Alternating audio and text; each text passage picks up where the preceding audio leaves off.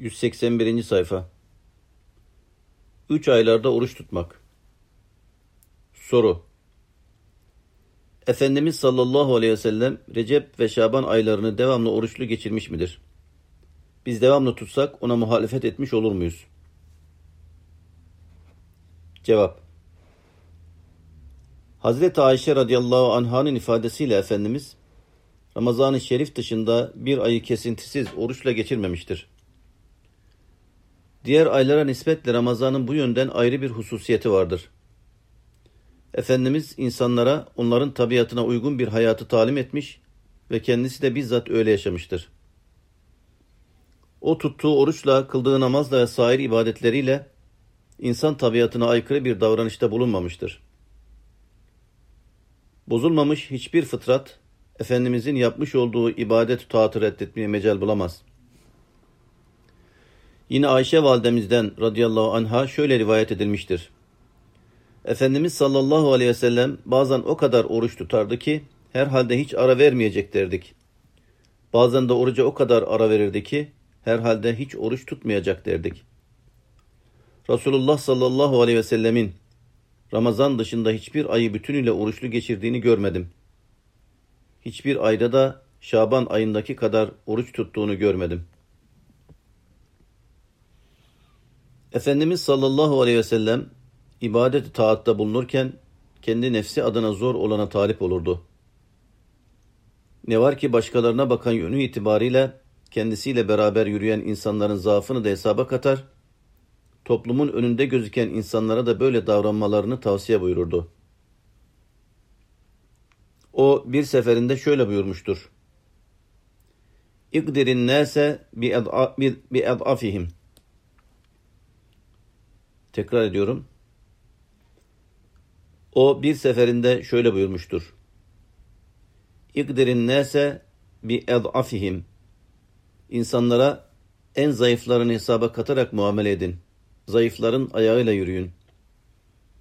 Böyle buyurup bu minval üzere hareket ettiğinden dolayı ne Recep ne de Şaban ayını aralıksız olarak oruçla geçirmemiştir.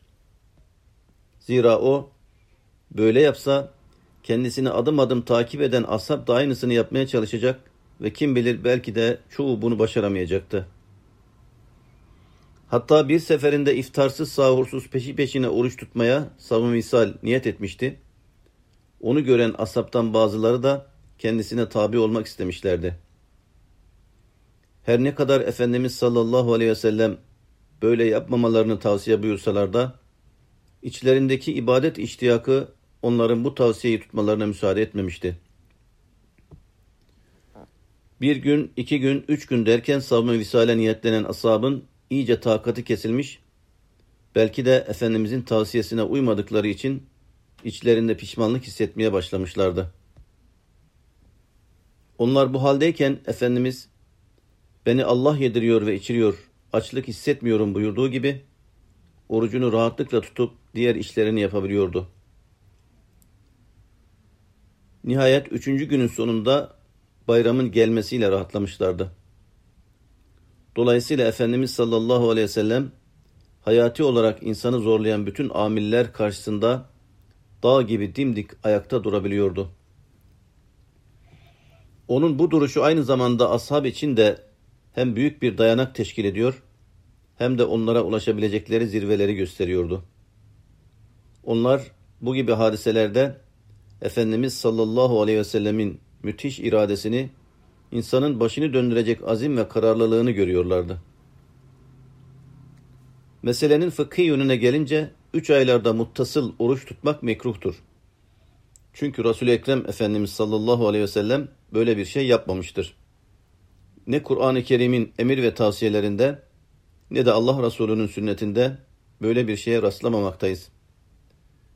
Buna rağmen halkın arasında Recep, Şaban ve Ramazan aylarını peşi peşine tutmak gibi bir adet yerleşmiştir. Bu şekilde tutulan bir orucun neticesini oruçtan beklenen gayeyle de telif etmek mümkün değildir. Zira kesintisiz oruç tutunca insan bünyesi oruca alışkanlık kazanır. Oruca alışan bir kimse için de oruç tutmakla tutmamak arasında bir fark kalmaz. Onun için nefsi terbiye adına bir takım mahrumiyetlere katlanma gibi bir hasletten söz edilemez. Bu sebeple insan sürekli oruç tutmak suretiyle oruca alışmamalı, bazen tutup bazen tutmayarak nefsini terbiye etmeye çalışmalıdır. Zaten Efendimiz sallallahu aleyhi ve sellemin sahabe-i kiramın en abid ve zahitlerine tavsiye buyurduğu oruç da bir gün tutup bir gün tutmama şeklindedir. İhtilafı metali Soru Hilalin dünyanın değişik yerlerinde değişik saatlerde görülmesi, ihtilafı metali sebebiyle her belde halkı Ramazan başlangıcını ve bayramı tespit edebilmek için kendi gözlemlerine mi dayanacaklar? Yoksa bir beldede hilalin görülmüş olması bütün beldeler için geçerli midir? Cevap Dünyanın hareketine bağlı olarak gece ve gündüzün dünyanın her yerinde aynı saatte başlamadığı, beldeden beldeye farklılık arz ettiği gibi, hilal de dünyanın her yerinde aynı anda görülmez.